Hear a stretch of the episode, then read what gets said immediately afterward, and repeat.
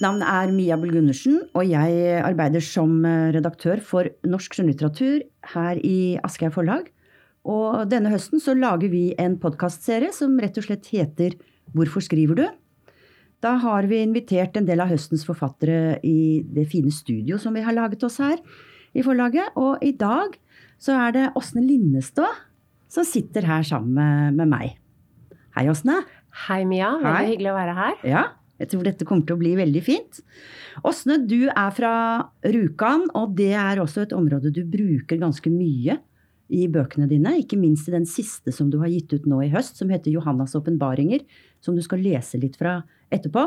Nå skal jeg bare si litt om deg. Du, du bor i Oslo. Du har gått på forfatterstudiet i Bø, og der vet jeg også at du nå underviser.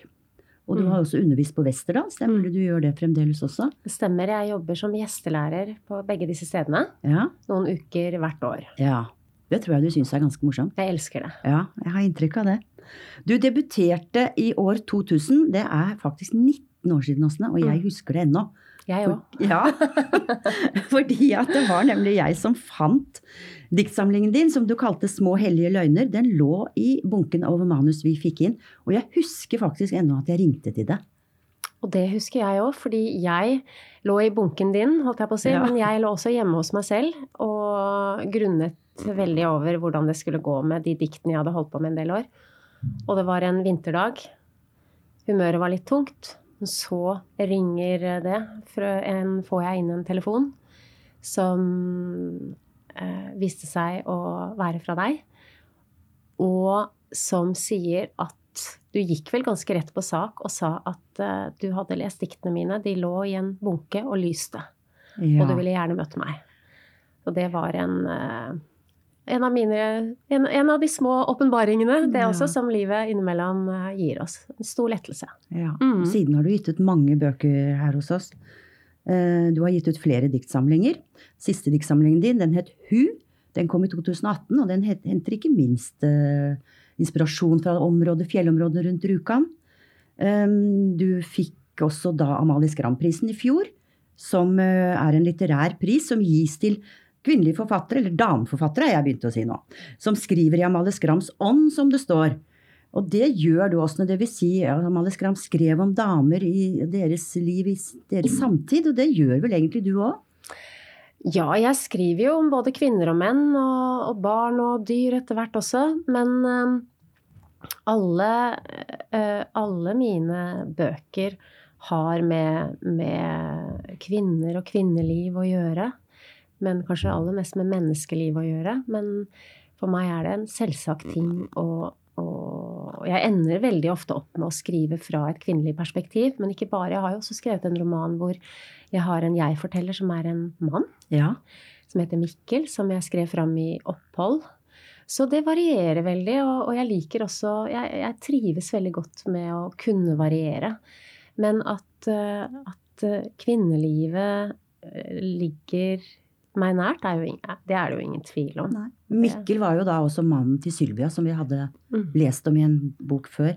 I Hagesang. Gikk Hagesang. Ja, hvor Sylvia fører ordet. Ja. og etter det var det veldig presserende faktisk å gi, gi eh, Mikkel, da, ektefellen til Sylvia, en stemme. Det var en også veldig frigjørende prosess faktisk, å, å, å gå inn i en manns univers, da. Forsøke å forestille, forestille seg hvordan det kunne være. Ja. Ja, Du hadde jo gjort det før i den diktsamlingen. ja i, den, i andre boka mi, 'Stanislav', en forestilling, så skriver jeg også fra et mannlig ståsted på mange måter, altså, og fra en kunstners ståsted, ikke minst. Eh, det var jo to år etter debuten, i 2002. Så kom jeg med en lyrisk dokumentar om den polske multikunstneren Stanislav eh, Witkiewicz, eller Witkatzy, som han ofte kalles i Polen. Som, det var en fryd å skrive fram. Eh, helt vill skriveprosess hvor jeg gikk inn og ut av livet hans. Og, og kobla det sammen med kunsten hans og Polens historie og lagde en sånn poesikollasj. Hvor jeg samlet sett da skrev fram et, en slags eh, biografi. Men hvor, hvor jeg hadde diktene som base, da. Og et veldig intenst sånn mannlig subjekt, da. Ja, det kan man si. Som det var, men som det var veldig lett å herje med og, og leke med, fordi han selv var en så utforskende eh, og sjangerutvidende kunstner. Mm. Eh, så, så det var, var veldig lærerikt. Og kanskje lærte det meg også noe om å, å, å våge å nærme seg prosaformatet, da. Mm. Som til da hadde vært veldig fremmed for meg. For jeg var helt overbevist om, både da jeg debuterte og mens jeg skrev fram Stanislav-boka i diktform, at jeg nok aldri kom til å kunne skrive romaner. Og så ble det jo ikke sånn. Men Du har skrevet mange romaner, du. Etter det så har jeg faktisk skrevet seks romaner. Ja. Flere romaner enn en diktsamlinger. Så det ja. er fremdeles egentlig en ganske stor overraskelse for meg. Ja. At jeg også kan kalle meg romanforfatter nå. ja, for det kan du jo virkelig. Og i høst så har du også en roman ute som heter 'Johannas åpenbaringer'. Og jeg har så lyst, fordi at Åsne, du, du synger fint, men jeg vet ikke om vi skal synge akkurat nå. Eller du skal synge, men du leser så vakkert òg. Du pleier ikke å lese disse podkastene, men nå har jeg så lyst til at du kan lese litt fra Johannas åpenbaringer. Og da kan du jo si litt om romanen først, kanskje? Johannas åpenbaringer er en beretning om Johanna, en ung bistandsarbeider som eh, bryter opp fra jobben som sykepleier i Sør-Sudan. Eh, og etter en skakende opplevelse, et møte med en liten jente som utløser eh, andre eh, følelser i Johanna som hun ikke har vært i på en stund. Så når romanen begynner, så har Johanna da forlatt Sør-Sudan, og hun befinner seg på familiehytta oppe på fjellet.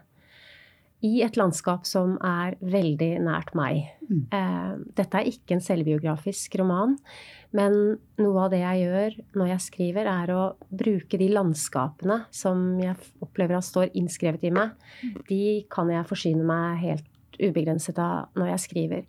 Så i denne romanen så følger jeg Johanna gjennom en vinter og en vår og en sommer der Johanna i utgangspunktet tenker at hun skal nærmest leve i isolasjon.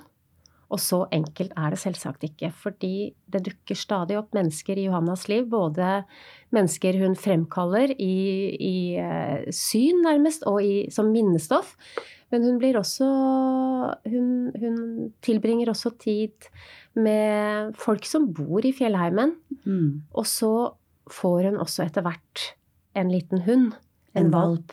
Som eh, blir en veldig viktig vesen i livet hennes. Da. Så eh, det var det jeg tenkte jeg skulle lese fra nå. En av de første skiturene Johanna og denne valpen begir seg ut på.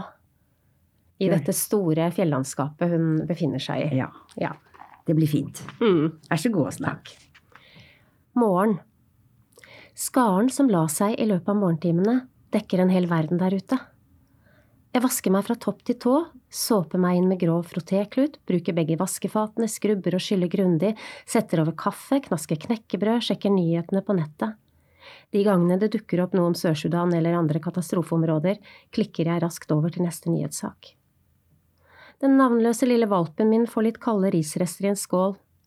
Vi skal på tur, noe må skje, vi er i ferd med å bli et tospann. Jeg dropper tannpussen, jeg, sier jeg og trekker på meg turbuksa. Og valpen ser på meg, bare ser, før den klinker ivrig og renner mot utgangsdøra. Valpen vimser først. Det går radig, vi har kommet et godt stykke på grunn av det knallharde underlaget, og den firbeinte får gå uten sele og bånd i dagen. Det er på et vis bare oss to i verden så grytidlig, bortsett fra et par standhaftige vinterfugler, forhåpentligvis kråker eller ravner, som kretser i myke, mørke sirkler over oss. Jeg tenker på de kommende månedene, hvor lenge jeg kan bli her i fjellet, på hvordan rapportene jeg sendte blir mottatt, om jeg blir tatt inn i varmen igjen på jobben, og hører det som kanskje er et skudd i det fjerne, et slags butt smell, før alt stilner igjen. Valpen er borte. Jeg står ute på Strengmyra. Alt er hvitt og stille. Kvitranda troner i enden av myra, skimrende og mektig er fjellet i den kvasse, klare dagen. Jeg glemte solbrillene mine, ser for lite, kan ikke begynne å tenke på at det kan være overvinter av rovfugler over oss, de som forsyner seg av de minste lammene om våren, og lite som et lam er hunden fremdeles, og også fuglene representerer ondskap, det falt meg bare aldri inn at det kunne bli en problemstilling det også, og i alle fall ikke nå, ikke her oppe, ikke når det kommer til valpen, det vesle krypet mitt som brått kan bli borte for meg, midt i den klare vinterdagen.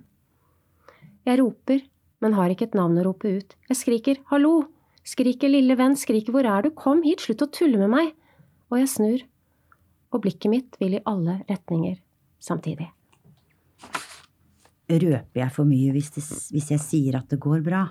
Nei, jeg syns du skal si at det går bra, fordi um, Og jeg vil også gjerne si at det går bra med valpen. Den får navn også. Eh, ja. Det er, det er, grenser for hvor mye jeg skal sette Johanna ut i denne, mm.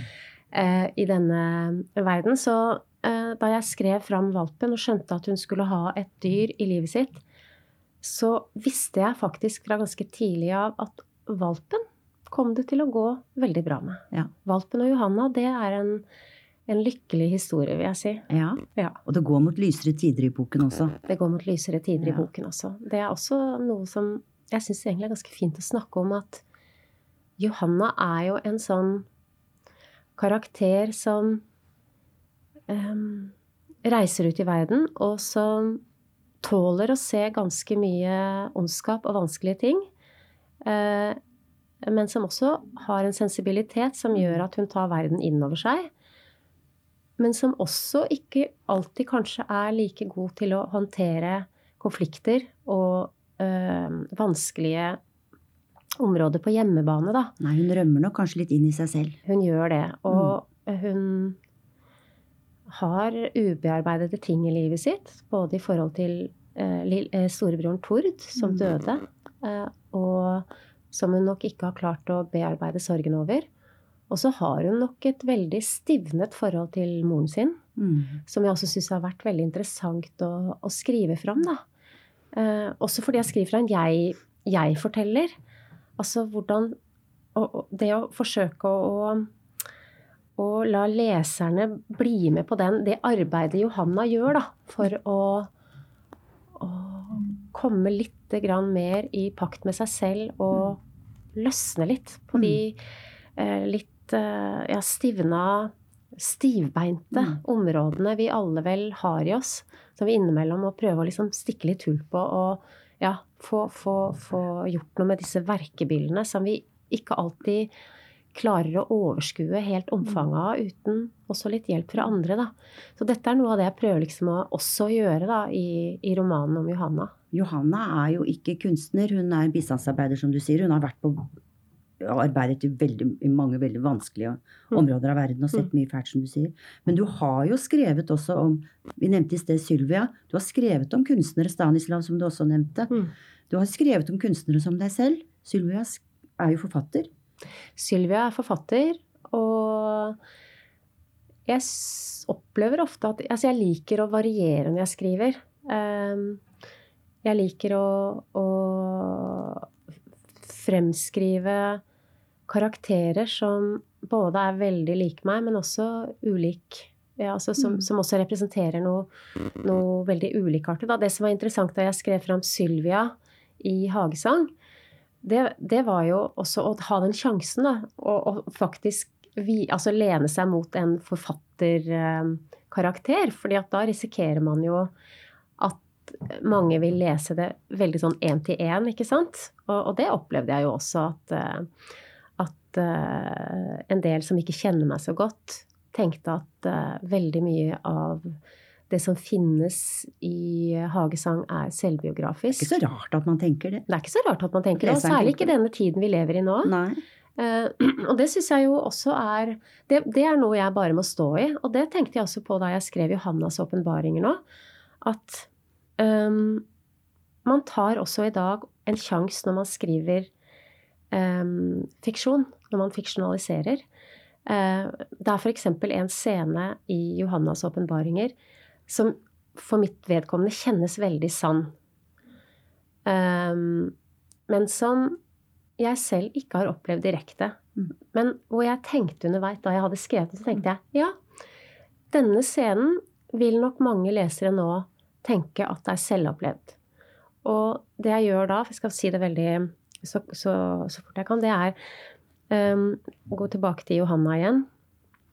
Hun tenker tilbake på barndommen og uh, uh, på en opplevelse hun hadde med faren sin, et veldig godt forhold til pappaen sin. Uh, hun tenker da tilbake på de årene hvor familien på mange måter går i oppløsning, og moren hennes forlater familien. Og hvor Johanna ser at pappaen er oppriktig lei seg.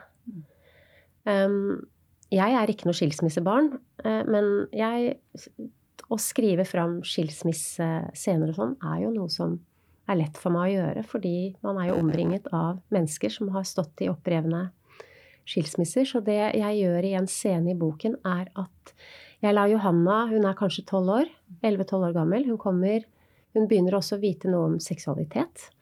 Hun kommer, tilbake, hun kommer hjem. Eh, huset er tomt. Hun går gjennom huset og ut i hagen. Så ser hun pappaen sin sitte i en eh, hagestol.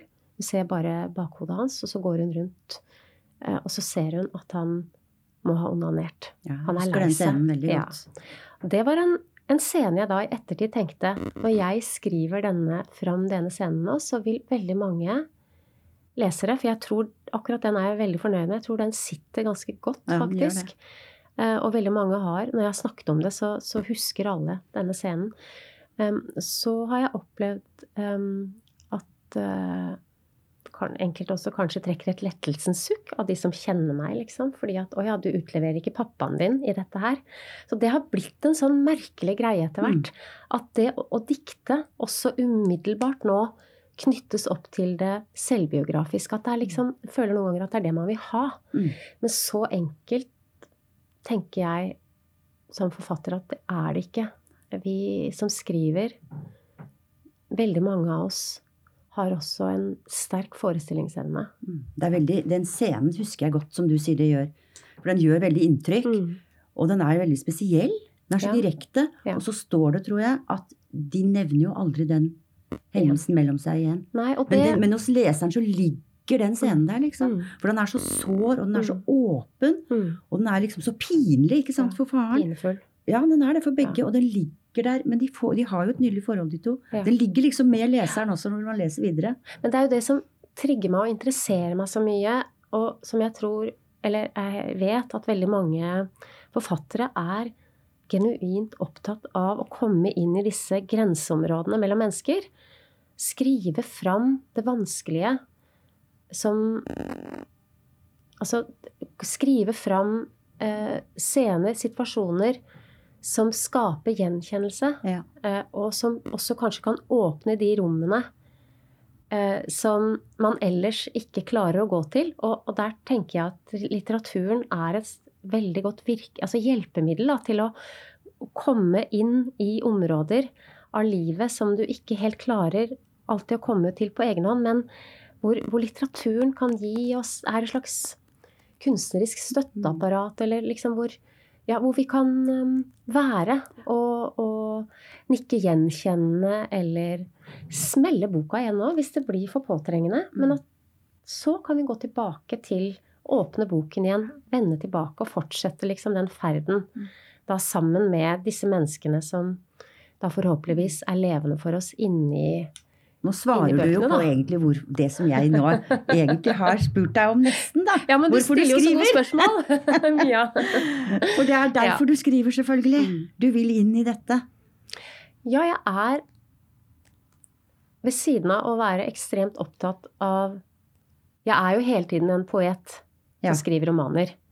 Jeg tenker hele tiden, alltid, at jeg er også er språkdrevet. Men det betyr jo ikke at jeg ikke er opptatt av At jeg ikke kan underlegge meg krav til ytre handling eller, eller plott etter hvert også.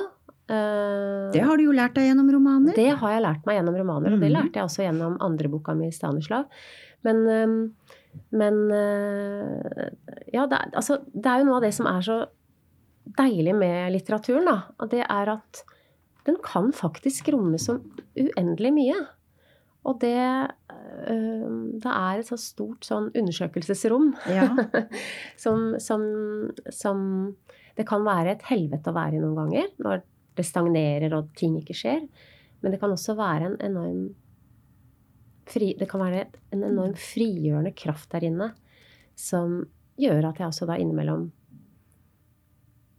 stadig vekk blir overraska over hva jeg er i stand til å skrive. fordi at sånn er skriveprosessen også. Jeg er, ikke en veld, jeg er jo ingen, det har jeg jo sagt mange ganger, men jeg er ingen kalkulert forfatter.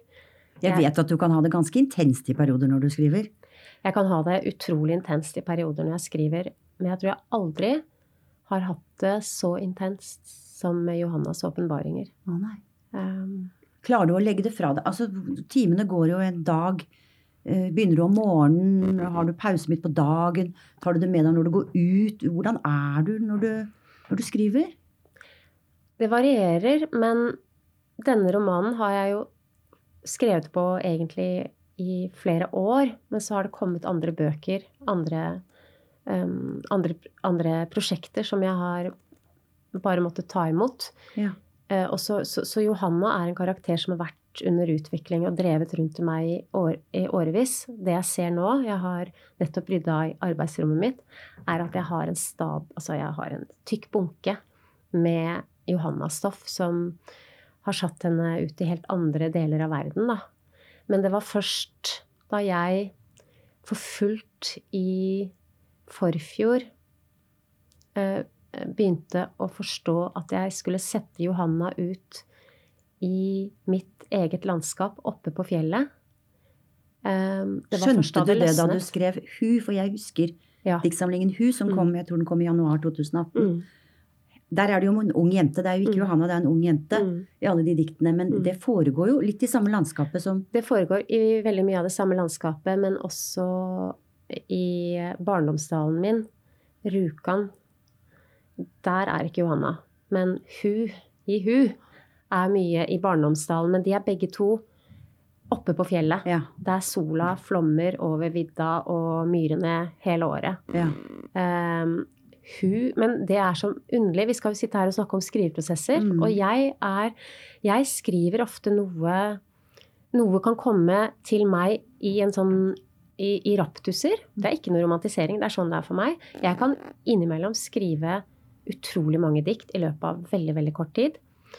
Og så får jeg ikke helt has på de, og så legger jeg printer de ut og legger de bort. Sånn at hun ble skrevet i 2012. Fundamentet der Mm. kom som et ras i 2012, før jeg hentet de tilbake igjen. Skjønte at dette kan bli en diktsamling. Men da holdt jeg allerede på med Johanna. Og jeg lurer på om, om, om det for meg faktisk er mulig å jobbe på den måten, nettopp fordi jeg både er poet og romanforfatter, og at diktene og romanstoffet, det konkurrerer aldri egentlig så veldig. Men du sier jo at du skriver poetisk i romanene dine. Det opplever jeg også Ja, at gjør du jeg. gjør. Jeg gjør vel det. Så poesi Ja. og prosa er kanskje ikke så veldig forskjellig for deg? Ikke for meg. Nei? Eh, Jeg, men det er det som også krever noe ekstra av meg når jeg jobber med romanstoffet. Det er jo, og det tror jeg var en av grunnene til at jeg strakk meg så veldig, veldig langt for å få Johanna i havn. Fordi jeg er inni hver eneste setning i Ja. den romanen. Og øh, det er lettere for meg å redigere og samle en diktsamling enn å få en roman helt på plass. Jeg investerer enda mer krefter på å få en roman i havn. Sånn har det alltid vært. Mm. Det, der kan andre som jobber på tilsvarende måter som meg, oppleve det helt annerledes. Men for meg er det mye Da er det tyngre, hardere arbeid å få en roman i havn fordi stoffet er større. Det er jo en må- større tekst, Det tross er en alt. større Et tekstkropp større univers, kan du si. større univers Mm. og, og et enda større arbeid å få det endelige overblikket, sånn at du føler at alt, både historien, språket, liksom på Og hvert eneste ord, selv om jeg selvfølgelig ikke alltid lykkes med det, men allikevel at alt er på plass, da. Det er, det er for meg et veldig, veldig stort arbeid. Fordi jeg vil at, at språket også skal skinne, fortsette å skinne i romanene mine, selv om jeg har forlatt tilsynelatende, ikke sant, har forlatt poesien. Jeg syns det er mye Åsne Linnestad i romanene dine ja, som jeg kjenner igjen fra lyrikken. Ja, men det er veldig bra, det. for det, det, er, det er viktig for meg faktisk at, at, eh, at eh, poeten fortsetter å skrive romanene. Leser du også mens du skriver? Ja, Andre? For du, jeg har inntrykk av at du er en forfatter som er veldig nysgjerrig på dine kolleger, dine Mm. samtidsforfattere. Ja. Leser du, du er veldig orientert, har jeg inntrykk av. Ja, ja, ja, jeg liker å lese. følger med, godt med. Man må, jeg tenker at man, og det er jo noe jeg snakker om når jeg underviser i skrivekunst også, at også Eldrid Lunden, som jo også er en helt sentral poet, og som er viktig her på Aschehoug også, Og som var din lærer i Bø, vil jeg tro. og som var min lærer i Mm. Bø. Da jeg kom til Bø, noe av det første hun sa, var at ja, skal en lære å bli en god forfatter, så må en også være en god leser. Ja.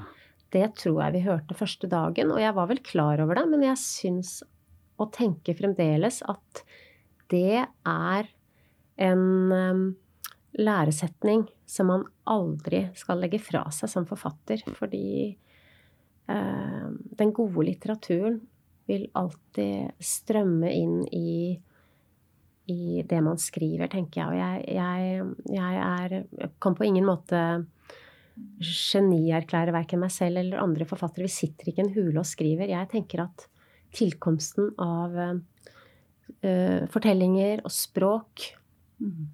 skrivekunst, er enormt viktig for at man selv også skal utvikle seg som skrivekunstner. Ja. Du lærer sikkert noe selv ved å undervise andre òg, vil jeg tro, sånn som du gjør. Ja, jeg syns at det er veldig skjerpende. Ja. Fordi at man kan jo innimellom kanskje bli ikke selvtilfreds, det tror jeg ikke at jeg akkurat er, men innimellom så kan man kanskje også hvile i en slags positur eller en skrivevane, og så kommer man ut i klasserommet og skal vekke skrivegnisten hos, eh, hos studenter som ennå ikke har debutert, men som kan være ekstremt talentfulle, eller hvor jeg kan se at det er et råstoff der som, som, som ligger latent, da.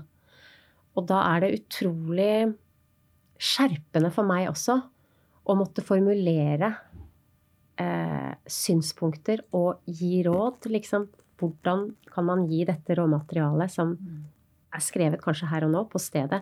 Hvordan skal man kunne gi det eh, et løft, sånn at det kan bli ytterligere, altså enda bedre? Og det å, å være i et sånt tekstrom hvor man både må være veldig skjerpet og konsentrert,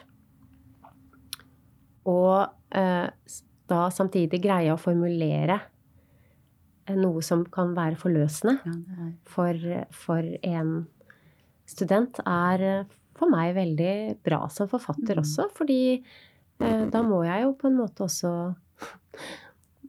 ta det med videre selv, da, i egen skriving. Så jeg slår ned på klisjéfylte skildringer eller eh, ubehjelpelig språk eller ja, en, ja, hva som helst, egentlig. Så, så er det klart at det, det kan være veldig bevisstgjørende for meg også. Mm.